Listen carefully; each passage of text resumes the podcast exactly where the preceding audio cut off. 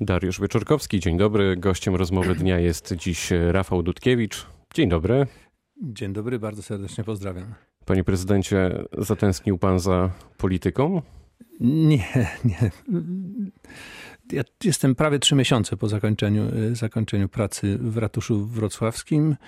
Przez dwa miesiące byłem wyłączony, bo miesiąc podróżowałem, a kilka tygodni zajęło mi reperowanie różnych różnych części mojego, mojego ciała. Od kilku tygodni jestem nieco bardziej aktywny. Miałem jeden epizod o charakterze politycznym, ale moim zdaniem dla mnie to było bardziej wsparcie pewnej inicjatywy niż wprost zaangażowanie się w nią. Mówię o tym briefingu z PSL-em Nowoczesną no i właśnie. Unią Europejskich Demokratów. I, i, I dlatego o to pytam, dlatego że jak się pojawił pan w poniedziałek tutaj we Wrocławiu obok liderów Nowoczesnej i PSL-u, to komentatorzy, publicyści zgodnie stwierdzili, że stał się pan jedną z twarzy opozycji. Moje poglądy zgodne z poglądami opozycji, obecnej opozycji parlamentarnej, czyli poglądy dość wyraziście sprzeciwiające się polityki, polityce y, rządu są znane i ja je artykułowałem, artykułowałem wyraziście wcześniej. Teraz zabrałem głos w kwestii kształtowania się koalicji, czy też no, chciałbym szerokiej koalicji po stronie właśnie opozycji parlamentarnej z kilku powodów. Pierwszy jest taki, że po tym jak się, jak się pojawił sygnał dotyczący tak zwanej koalicji europejskiej, ja chciałem wyraźnie powiedzieć, że, że Polsce jest potrzebna koalicja polska w tym znaczeniu, że, że, że na przykład stosunek do Unii Europejskiej, Polski do Unii Europejskiej nie rozstrzygnie się w Parlamencie Europejskim, tylko rozstrzygnie się w Parlamencie Polskim po wyborach jesiennych. Po drugie, mam dużo uznania i sympatii, albo nawet bardzo dużo uznania i sympatii dla, dla prezesa PSL-u, pana Kośniaka Kamysza. Po trzecie, niezwykle mocno uważam, że jeśli w wyborach 2019 opozycja parlamentarna miałaby odnieść sukces, to istotnym elementem walki o ten sukces jest zadbanie o elektorat małomiasteczkowy i wiejski. Tutaj PSL jest absolutnie kluczowy. Ale to z jednej strony mamy opozycję właśnie wspomnianą, e, czyli nowoczesna PSL Unia Europejskich Demokratów, z drugiej mamy Roberta Biedronia, o którego zaraz e, pana zapytam, tak. no i mamy jeszcze Grzegorza Schetynę i Platformę Obywatelską. Tak. Dlaczego w takim razie nie Grzegorz Schetyna i Platforma Obywatelska? No, dlatego, że właśnie bardzo mocno chciałem podkreślić, że to, co próbuje kształtować Grzegorz Schetyna, nazywając ten twór obecnie Koalicją Europejską, wymaga, wymaga poszerzenia, wymaga jeszcze szerszej, jeszcze szerszej rozmowy i, i, jeszcze szerszego i bardziej otwartego uprawiania polityki. Stąd ten pomysł, żeby, żeby właśnie z PSL-em oraz z Nowoczesną. Przy czym raz jeszcze to nie oznacza zaangażowania w politykę na poziomie to aktywnym. Jak Wałęsa, nie chcę, ale muszę. Są dwa sposoby rozmawiania e, o polityce. Jeden jest właśnie rozmawianiem o polityce. Ja bym chciał uprawiać rozmawianie o polityce, czyli na przykład to, co czynimy, czy też różnego rodzaju komentowanie, udzielanie wsparcia, no, a drugi to jest wejście w politykę, w politykę wprost. Jeśli chodzi o wejście w politykę wprost, to, to nie, nie mam takich planów. Albo powiedziałbym, na razie nie mam takich planów, bo oczywiście, bo oczywiście przyszłość może przynieść różne, różne wydarzenia. A myśli pan, że opozycja się dogada, mówiąc e, wprost? Do, do wyborów? To jest, bardzo, i drugich? to jest bardzo trudny, to jest bardzo trudny projekt. Chciałbym, Jak pan to czyta? Już powiem.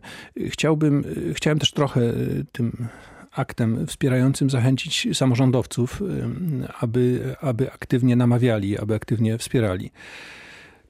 Projekt jest możliwy, ale jest niezwykle trudny. Jak zawsze na przeszkodzie stają różnego rodzaju zaszłości, ambicje, takie problemy bardziej emocjonalne niż, niż racjonalne.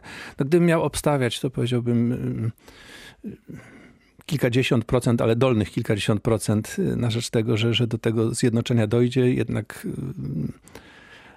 nie jest to wysoce prawdopodobne, ale moim zdaniem jest to bardzo, mm, bardzo potrzebne i byłoby, byłoby dobrze, gdyby tak, się, gdyby tak się stało. Trzeba próbować, trzeba, trzeba się starać. Na scenie pojawił się Robert Biedroń, w niedzielę tak. ogłosił konkretny plan. Jak pan patrzy na, na ten projekt, jak go ocenia?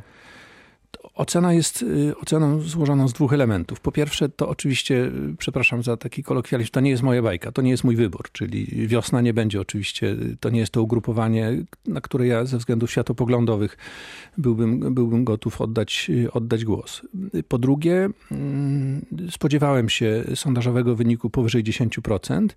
Projekt jest marketingowo w znaczeniu marketingu i PR-u robiony bardzo poprawnie, a nawet powiedziałbym tak y, dobrze po prostu jest, jest poukładany. Po raz pierwszy ktoś, y, ktoś postawił dwie kwestie, to znaczy z jednej strony powiedział wprost, czego oczekują czego oczekuje nurt progresywny w, w, polskim społeczeństwie, tak do końca i wprost nazwał pewne, pewne kwestie. Raz jeszcze, to, to nie jest mój głos i, i, i ja nie udzielę takim kwestiom poparcia, ale no jest pewien, jak widać, kilkunastu chyba procentowy elektorat, który na to oczekiwał.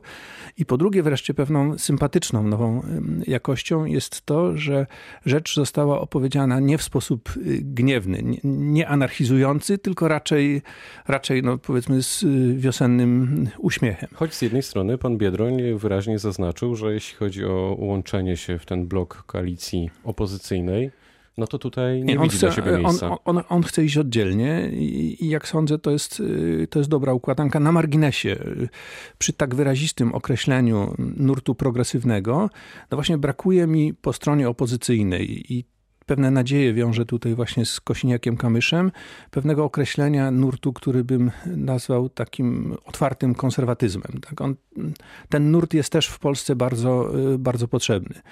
I jeszcze jedna rzecz na marginesie. No, oczywiście pewną słabością polskiej opozycji parlamentarnej jest to, że opozycja, jak to powiedzieć, mało wyraźnie mówi o przyszłości Polski, albo prawdę powiedziawszy, my nie wiemy, jakie są, jakie są plany opozycji, jeśli chodzi o przyszłość, o przyszłość Polski. Temu też, y, temu też moi koledzy z tej strony sceny politycznej powinni poświęcić więcej czasu i uwagi. Panie prezydencie, rozmawialiśmy w ostatnich godzinach pana prezydentury, pamiętam, tak? wiele tygodni e, temu. Wtedy pan w zasadzie jednoznacznie deklarował, że raczej do polityki e, nie będzie chciał wracać i i niewiele mieć z nią e, wspólnego. Teraz nawet tutaj, przed chwilą powiedział pan, że sytuacja jest dynamiczna i się zmienia. W związku z tym pytanie wprost, tak jak tak. sobie patrzymy tak. w oczy. Będzie tak. pan kandydować do Europarlamentu albo nie, do parlamentu? Nie, nie, nie będę. Definitywnie? Nie, nie będę, definitywnie. Czyli nie zostawię pan sobie nawet furtki, bo jeszcze kilka dni temu nawet pan Zgorzelski, obok którego pan stał, mówił, że będą wszyscy pana namawiać do tego i już mnie namawiają i, i, tych rozmów jest y, dużo, y, dużo i gęsto. Ja w jednej z ostatnich wypowiedzi właśnie po tym briefingu powiedziałem, że nie planuję startu w eurowyborach. Potem były pytane, byłem pytany o jesienne wybory do parlamentu. Też nie mam takich planów. I dodałem, tak, no, jestem człowiekiem rozsądnym, mam 60, y, 60 lat, to wiem, że ludzie zmieniają plany, ale to nie jest tak, że ja planuję zmienić plany. Nie, nie mam, takich, nie mam takich zamiarów. Jakie relacje łączą pana z Bogdanem Zdrojewskim? No właściwie chyba żadne. Mamy bardzo długi, bardzo długi okres bardzo serdecznej y, przyjaźni, w moim przeświadczeniu naruszonej potem przez, przez Bogdana i od czasu do czasu gdzieś tam się spotkamy, uściśniemy sobie, sobie dłonie, ale nie, nie utrzymujemy nie utrzymujemy stosunku Dlaczego w znaczeniu pytam? telefonowania do siebie. Tak. Dlatego, że w wywiadzie Rzece, który ukazał się kilka dni e, temu, kilka dni po pana e, zakończeniu prezydentury, trochę pan wbił szpilek Bogdanowi Zdrojewskiemu. Nie pomagał nie. panu w prezydenturze? Nie, jak na to, jak się zachowywał Bogdan Zdrojewski, ja się wypowiedziałem na jego temat niezwykle łagodnie. Także tak czy inaczej Bogdan powinien być, być mi bardzo wdzięczny. Mówię o zachowaniu Bogdana nie tyle w stosunku do mnie, co do, co do, y, co do Wrocławia. Jak wiadomo, Bogdan Zdrojewski lubi się zajmować odśnieżaniem i właśnie wbijaniem, wbijaniem szpilek. Ten jego ostatni tweet, którym zaczepił Jacka Sutryka wydaje mi się też dalece nieelegancki. Bo w książce mówi pan między innymi tak, że współpraca Wrocławia z Lwowem to jest pana zasługa, nie Zdrojewskiego. Mówi pan też, nie, nie. O, o, mówi pan też o zapaści nie. kulturalnej we Wrocławiu za jego czasów. Mówi pan też o zazdrości z jego strony, że Rafał Dudkiewicz okazał się być lepszym od niego prezydentem. No i wreszcie na Dobrze koniec. tak. Podobno nie pomagał przy inwestycjach związanych między innymi z Narodowym Forum Muzyki czy Ośrodkiem Pamięć i Przyszłość. To nie najlepszy obraz. Ośrodek Pamięć i Przyszłość Bogdan Zdrojewski usiłował zlikwidować. Ja spowodowałem, że ten ośrodek przetrwał. w wielu inwestycjach Bogdan Zdrojewski wprost przeszkadzał. Przecież na samym starcie jako minister, jeśli chodzi o inwestycje Narodowe Forum Muzyki, to zabrał 50 milionów z tej inwestycji, a potem straszył retorsjami brukselskimi. Jeśli chodzi o Lwów, to oczywiście prezydent Bogdan Zdrojewski współpracował z Lwowem.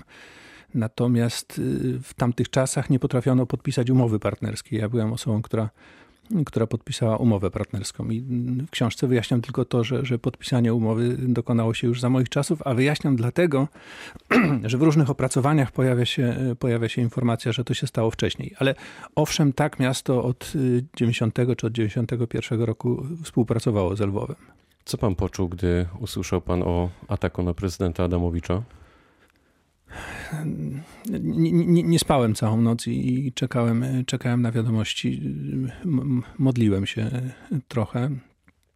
To, to była taka.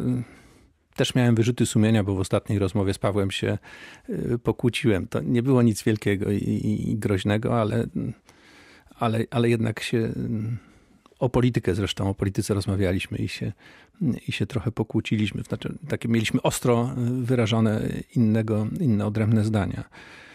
Długo w nocy miałem nadzieję, że, że to się dobrze zakończy, a potem przyszedł taki SMS od Oli Dulkiewicz. Paweł jeszcze żył, ale, ale z tego SMS-u wywnioskowałem, że, że to jest sytuacja bardzo, bardzo, bardzo ciężka.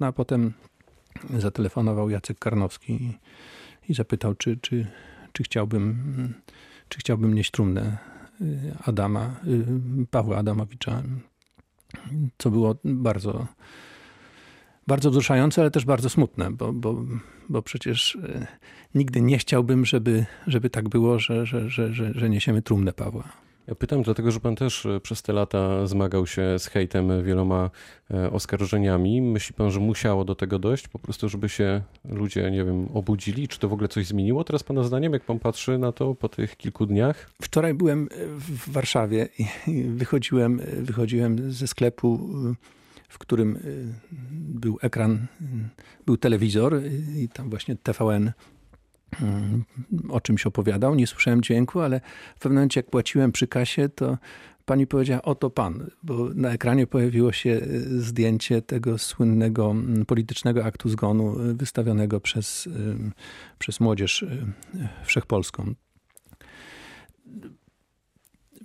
No, mnie się wydaje, że, że gęstość debaty politycznej poszła w złą stronę w Polsce i że ilość nienawiści po obydwu zresztą stronach sceny politycznej. Jak mówimy obydwu, to trochę upraszczamy, ale, ale, ale jednak jest ten układ taki biegunowy, więc ilość nienawiści po, po obydwu stronach jest, jest ogromna, nadmierna.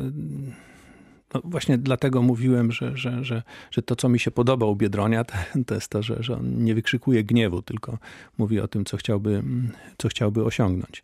To się powinno zmienić czy się zmieni i, i, kiedy się zmieni, to jest oczywiście bardzo trudne, bardzo trudne pytanie. Powoli, powoli e, musimy kończyć, a jeszcze mamy kilka tak. wątków. Solidarność wycofuje się z Europejskiego Centrum Solidarności właśnie w Trójmieście. Mówi, że to, tu cytat, upolityczniona instytucja. To samo w sumie może powiedzieć e, druga strona. Widzi pan szansę na porozumienie? Ja zawsze chciałbym widzieć szansę na e, porozumienie.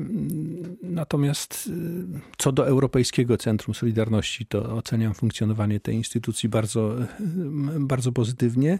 Nie znam zawikłań miejscowych. Solidarność, zdaje się, w ostatnim okresie też się robi jakaś taka bardzo, bardzo, bardzo gniewna i, i zaczepna. Co przed panem w takim razie, jeśli wiemy definitywnie, pan to podkreślił na naszej antenie, że nie wybiera się pan do Europarlamentu i do parlamentu, w takim razie wyjazd za granicę i praca akademicka w Niemczech? Ja otrzymałem e, propozycję od Akademii Weizsäckera. Mm, to jest tak zwany fellowship, czyli mówiąc po polsku, no, rodzaj, będę mówiąc po polsku, proszę, visiting profesorem, to ładny język polski, będę profesorem odwiedzającym, wizytującym. Zaproszenie jest z Niemiec, ono dotyczy głównie, głównie Niemiec, ale jest też związane z innymi, z wyjazdami do innych krajów, do innych krajów na zachodzie Europy, gdzie miałbym opowiadać o rozwoju miast, trochę na przykładzie, na przykładzie Wrocławia. Skorzystam z tej, z tej oferty, więc niedługo zniknę na kilka do kilkunastu kilkunastu miesięcy, oczywiście wracając do Wrocławia, no, po czym, po czym wrócę, wrócę na stałe za jakiś rok. I co dalej za rok? Tego nie wiem, to jest tak odległa, to jest tak odległa perspektywa. Mnie interesuje problematyka rozwoju, rozwoju miast. Chciałbym właśnie trochę na uniwersytetach, w różnych instytucjach o tym opowiadać, chciałbym się tym zająć.